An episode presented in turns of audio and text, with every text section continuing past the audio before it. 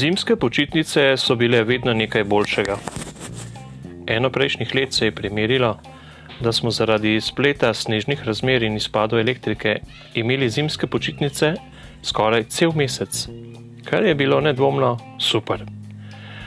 Mislim pa, da so bile zimske počitnice v sedmem razredu ene boljših, ker je bil v šoli organiziran zimski program. Ogromno nogometa v telovadnici, pa kakšni filmi.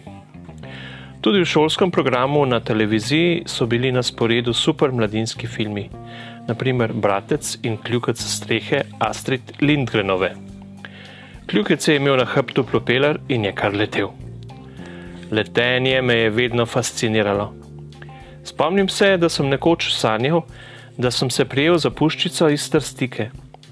Take smo včasih prožili iz lokov, narejenih iz vrbovih vej in sem letel. Kakšen super občutek. No, poleg nogometa in še česa zanimivega so se v šolo Lok Dragomer takrat pritihotapili prvi računalniki. Zato je bil zaslužen Borut Lavrenčič, mož naše učiteljice Milice, ki je imel na šoli tudi računalniški krožek. Morda sem se ga udeležil nekajkrat, enkrat smo tudi šli v Ljubljano, menda v podjetje Iskra Delta, kjer smo si ogledali čisto prave računalnike. Seveda nas je najbolj zanimala igra Kača, ki jo je bilo moč igrati na tistih starodavnih mašinah z zelenim fluorescenčnim zaslonom. Vsekakor pa so se takrat v zbornici naše šole pojavili računalniki Z81, predhodniki poznejših spektrumov, ki niso imeli gumaste, ampak opnasto tipkovnico. Mislim, da so me po svoje zastrupili že ti pametni kosi plastike, da me je pozneje odneslo v čisto posebno smer. Tisto zimo se z računalniki Sinclair Z81 nismo veliko ukvarjali, ker je nasulo obilo snega in je bilo bolj zanimivo biti zunaj. Tudi so bili ti računalniki precej težki za rokovanje saj si prek opnaste tipkovnice kaj težko vnašal besedilo. So se pa v reviji Moj mikro že pojavili članki o Basicu, programskem jeziku, s katerim se je dalo programirati na teh angliških računalnikih. Na obronkih strmice, bližnje strme vzpetine, smo našli primerno koritasto sankališče, po katerem smo se spuščali v vrečah, naphanih senom. Počutili smo se kot tekmovalci v Bobu ali tekmovalni, tekmovalni sankači. Še posebej je bilo imenitno, ko je proga zaledenela. Takrat je bila vožnja res vratolomna. Pri tem prijetnem pravilu sem se družil z Romanom Čičmirkom, ki je bil doma nedaleč.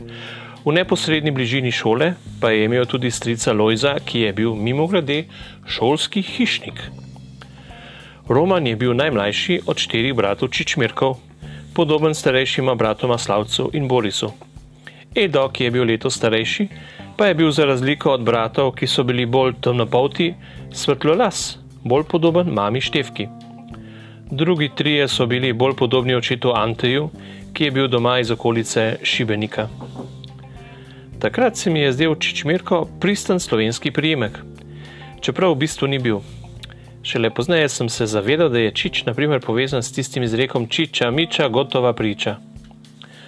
Sploh pa sem bil takrat še sedmošolec v Jugoslaviji in nisem bil okužen z latentnim slovenskim nacionalizmom, ki ga imamo vsi avtohtoni prebivalci raje pod Triglavom nekaj v krvi.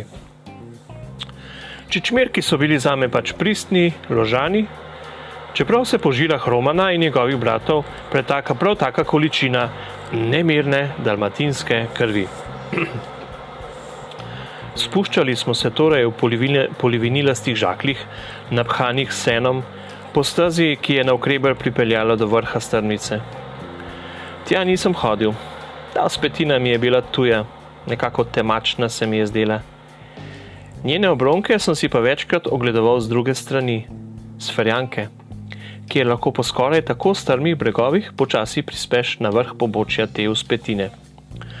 Nikoli nismo rekli strmica, vedno le strnca in postrnčen, kar je govorna oblika knjižnega podstrmičan, kmeta stare ceste, ki je že spadala pod Dragomer.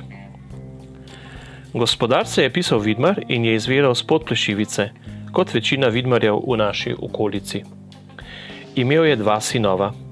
Andreja, ki je bil poročen z Metko in je imel sina Daniela ter hčer Klaudijo, in njegovega mlajšega brata Francija, ki je imel hčeri Simono, sošolko moje sestre Cirile in Barbaro. Moj svak Franci Klemen je bil prijatelj pokojnega Andreja in so se kar pogosto obiskovali. Spomnim se Danija, kako je nekoč v višku poletja tekal po travniku in nabiral bele cvetove armana, za katere je trdil, da so kresnice. Ta prizor se mi je zdel tako nadrealističen, da sem ga ohranil v spominu do današnjih dni. Blizu domačije pod Strnčanovih je bil tudi velik kamnolom, ki je že spadal pod lok.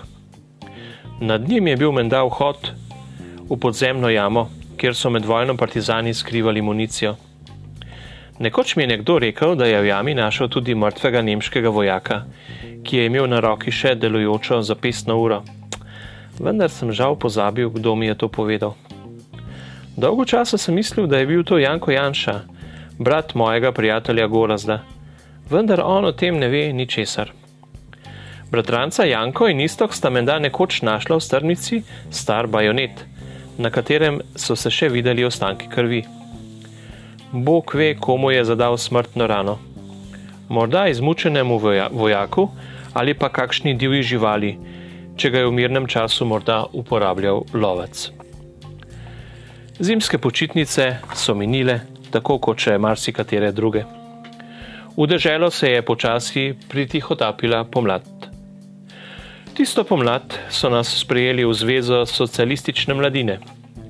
Predsednik šolske organizacije je postal sošolec iz paralelke Janez Klopčar, mene pa so predlagali za podpredsednika. Mislim, da nismo bili prav divje aktivni v šolski ZSMS, vse je bilo bolj v okviru šole.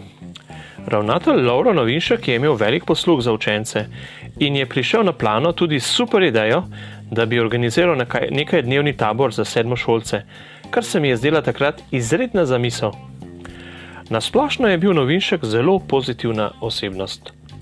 Sicer je znal tudi pozdigniti glas in rohnenje iz njegovih ust je doseglo kar nekaj decibelov, vendar pa ni nikoli besnel brez razloga. V enem od pomladnih mesecev smo se odpravili tudi na ekskurzijo v Belkovo zakojco. Sošolec Uroš Remškar je tisto leto postal precej romantičen in se je na tem popotovanju v Cekljansko hribovje zagledal v zalo dekle, ki je bila morda iz borovnice ali iz vrtnike, še sam ne vem. Uroš je tisto leto tudi precej pesnikoval. Morda nam je kakšno od svojih pesniških mojstrovin tudi prebral jaz pa sem zložil te malo zbatljive verze. Ta naš pesnik Urše Reširen, ta ni nikdar povsem miren. Kadar zmeriš ga, da je poet, zvrneš se na tla s pestjo zadet. Pesni o dekletih lepih, pesni o dekletih slavnih, ki ga bojda imajo rade, drugim fantom onih krade. Je zaljubljen v neko mojco. Ko šel je z nami on v zakojco, jo je videl, se zaljubil pisati pesmi, ji obljubil. To je tale štorija. Kako gre naprej, sem pa žal pozabil. Taka in podobna čustva so se torej začela pojavljati tudi v našem razredu. Sam jim očitno še nisem bil tako podložen, da bi se prav jasno spominjal sladkih občutij, ki ti pošljajo mravljince po hrbtu. Vsaj takrat še ne, in tudi večina mojih sošolcev tudi ne. Drugače pa je bilo z dekleti. Nekatera so imela že fante, praviloma iz višjih razredov, tudi od drugot, naprimer zvrtnike. Včasih jih je pošteno premetavalo, kar se je verjetno poznalo tudi na ocenah. Mene k sreči še ni zajel ta val, tako da so bile ocene podobno solidne. Ni pa bila snov več tako preprosta, saj smo se vendar že pripravljali za srednjo šolo. Vsaj fizika in kemija sta znali biti prav umetelno zapleteni. Fizika z vektorji sil, kemija pa z molsko maso in periodnim sistemom elementov, alkani, alkeni in alkini. Učil sem se zjutraj pred poukom in očitno je tistih nekaj uric zjutraj kar zadoščalo. Tisto pomlad sem se izredno dobro odrezal na republikanskem tekmovanju iz vesele šole. To je bila rubrika v pionirskem listu, kjer si si lahko pridobival dodatno znanje z različnih zanimivih področji. Uspelo mi je preskočiti oviro tako na šolskem kot na regijskem tekmovanju in se že drugič, prvič je bilo v petem razredu, uvrstiti na republiško tekmovanje. Če se prav spomnim, je iz naše vrhniške občine to uspelo tudi Aleksandri Habič iz Borovnice. Za nagrado sem dobil knjigo Čudovita Jugoslavija. Zanimivo knjigo o zgodovinskih in etnoloških posebnostih naše takrače skupne domovine. Oče je takrat enkrat prodal ekscentrično tiskalnico.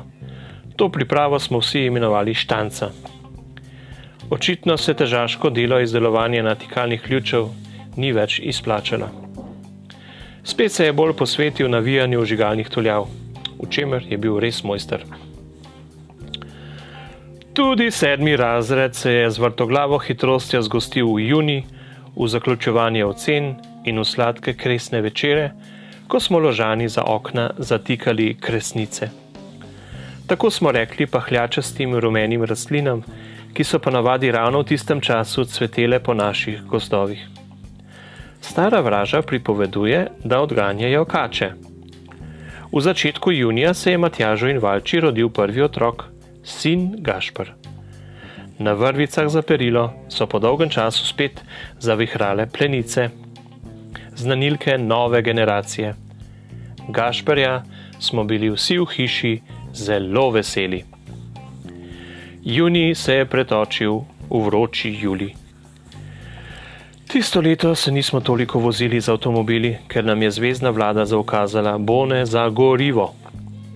Teh ni bilo toliko, zato so si ljudje kupovali še po eno vozilo in najrazličnejše kosilnice, motorne žage in druge manjše motorne naprave, da so upravičili svoje potrebe po gorivu.